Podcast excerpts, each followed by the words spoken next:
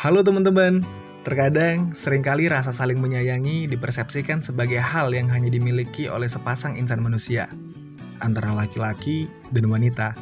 Tapi sebenarnya, rasa itu pun hadir dan tumbuh dalam ruang persahabatan, seperti teman kopi, teman diskusi, teman penjelajahan, dan semua bentuk persahabatan yang indah.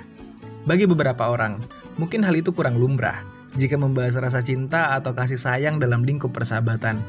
Namun ini adalah sebuah kenyataan, dan tepat di tempat ini ada aku, kalian, dan semua cerita kita di dalamnya. Di sini, di ruang kisah ini, akan terukir goretan pena berbentuk pertunjukan drama, kisah yang indah penuh akrobatik, persahabatan dengan kisah pahit dan rumit, cita dan cinta yang kadang gagal dan bahagia. Mencoba tenggelam dalam cerita yang mungkin terdengar fanah atau realita, semua tergantung persepsi masing-masing. Semoga terhibur dan jadilah bagian dari sejarah podcast ini. Bersamaku, di pinggir bumi kita bercerita.